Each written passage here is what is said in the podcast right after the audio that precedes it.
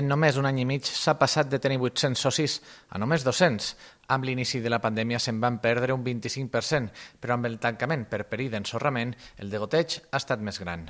Ara que ja s'han acabat les obres de la primera fase de reparació, s'hi tornaran a fer activitats dirigides, com l'spinning. Cal dir que el gimnàs ja s'havia recuperat i les activitats es feien en altres equipaments de l'Ajuntament de Viella.